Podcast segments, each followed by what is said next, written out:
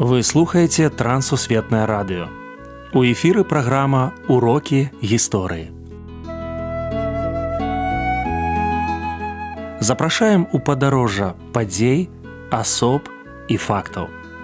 Вучыцеся разам з намі.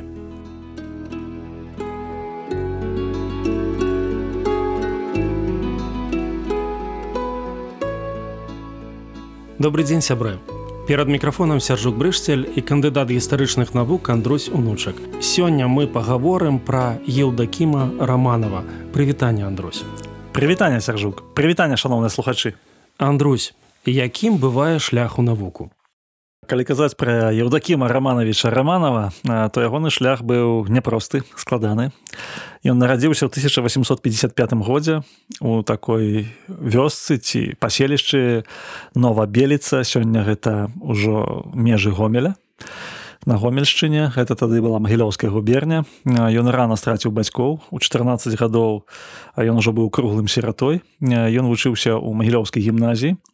І у на той момант ён вельмі моцна імкнуўся спазнаць глыбіні навукі. І ў гэта спазнанне глыбіні навукі для яго было вельмі такім прыярытэтным. Чаму? Таму што яму трэба было выжываць. І ён ужо з 14 гадоў ці з 15 гадоў ён займаўся рэпетытарствам ён вельмі моцна паглыбляўся і ён даваў такія абвесткі што ну магу выкладаць тыя ці іншыя прадметы і сапраўды у яго знаходзіліся вучні і ён мог зарабляць сабе на хлеб. Таму вось шляху навуку з аднаго боку гэта бы ягоная зацікаўленасць а з іншага боку вымушанасць. Просто ну навука яго карміла.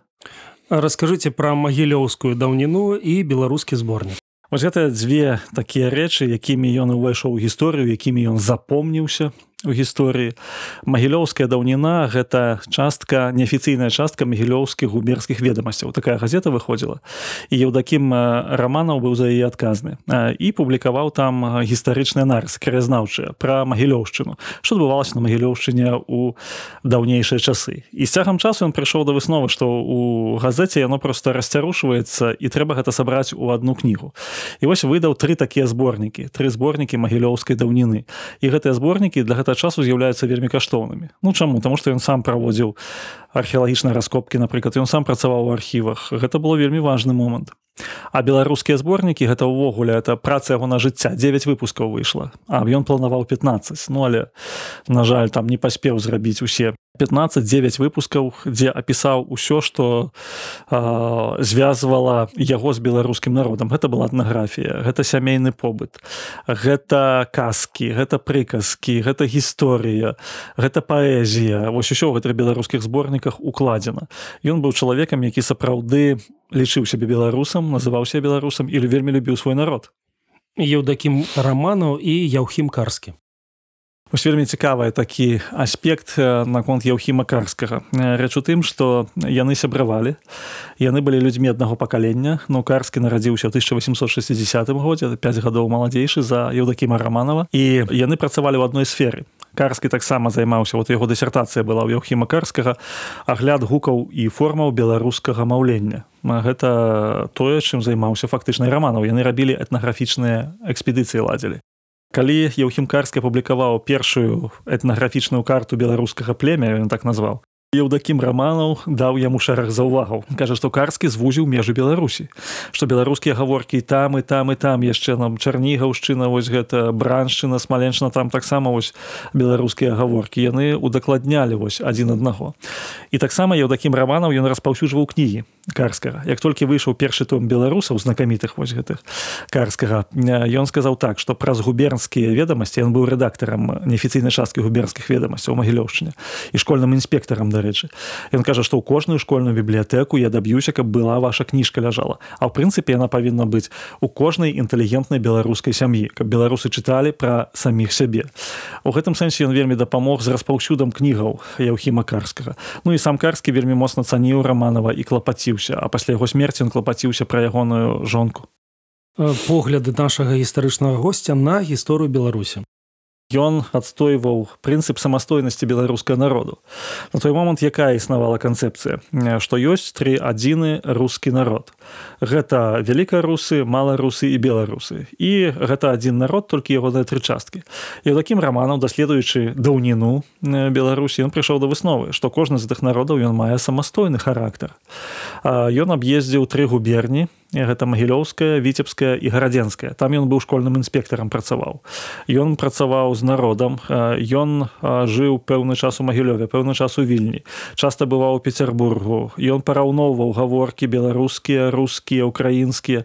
Ён прыйшоў да высновы што гістарычна гэта тры самастойныя народы. І гэта была вось галоўная ягоная выснова. Хоць яна не ўкладвалася афіцыйную парадыгму тагачасную але ягоныя навуковыя аўтарытэты навуковыя здабыткі выразна пра это сведчылі.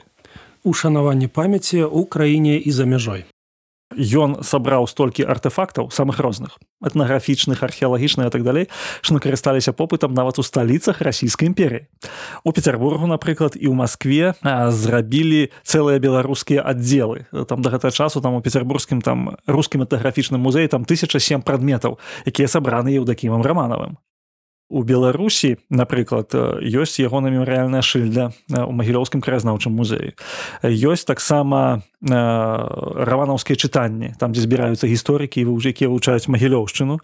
І таксама ёсць самыя розныя артыкулы біяграфіі прысвечаныя еўдакіму рамановичу раманаў ну можна і больш яго ўшаноўваць і больш вывучаць але ён ушанаваны дастаткова так добра я бы сказаў цікавыя факты з біяграфіі. Наконт цікавых фактаў магу сказаць наступнае. Ён быў чалавекам вельмі пладавітым. Ён мог напісаць 50 артыкулаў за год Ну, гэта вельмі шана то кожны тыдзень па артыкуле. І артыкул навуковы грунтоўны. Ён пісаў паўсюль дзе толькі мог. І часам ну яму даводзілася быць у паездках. Ён ездзіў на коннай брычцы там ці на цягніку і гэтак далей. Заўсёды браў сабой нейкія матэрыялы нататкі і там вось паціху выпісваў і пазней гэта афармляў Ён быў чалавекам, які лічыў, што патрэбна апісаць кожны куточак, Таму што вельмі важны момант ён напісаў тысячу курганоў, напрыклад. Кожны куточак беларускай зямлі для яго быў важны і пра яго хоць нейкую гістарычную інфармацыю данесці. І ён быў чалавекам вельмі ну як паказвае ягоная перапіска з карскім, напрыклад, вельмі такім імпульсіўным гарачым. Ён загараўся ідэяй і палымяна яе прасоў. Як толькі ён убачыў творы карскага, працу карскага ён просто загарэўся. Вау кажа вялікая падзея сёння давайте адсвяткуем гэта разам і вот ён кожную кніжку кожны артыкул ён з таким натхненнем з таким успрымаў што нібыта вось гэта адбылася нейкая такая інтэлектуальная рэвалюцыя. І вось гэтым ён запальваў нават сваіх суразмоўцаў. Ён быў чалавекам які займаўся навукай не толькі з таким холодным розумам але з гарачым сэрцам. Ось у гэтым яго ну такая адметнасць характару еўдакіма романова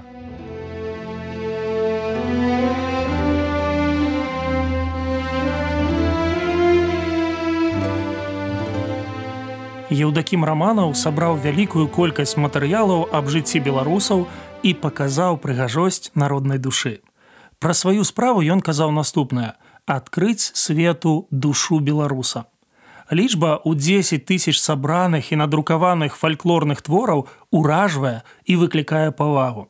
Між тым гэты таленавіты і паважаны навуковец лічыў сябе чарнарабочым па збіранні вуснай народнай творчасці.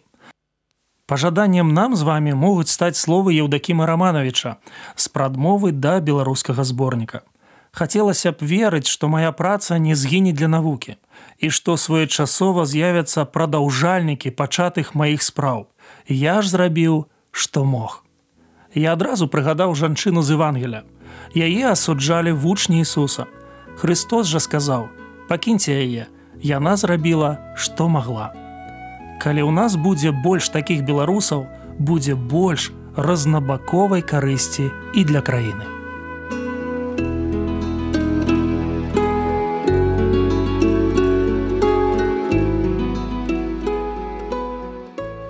Дзякую, што далучыліся да нашага праекту. Калі ў вас ёсць пытанні, пішыце каля ласка на адрас. Трансусветнае радыё, урокі гісторыі.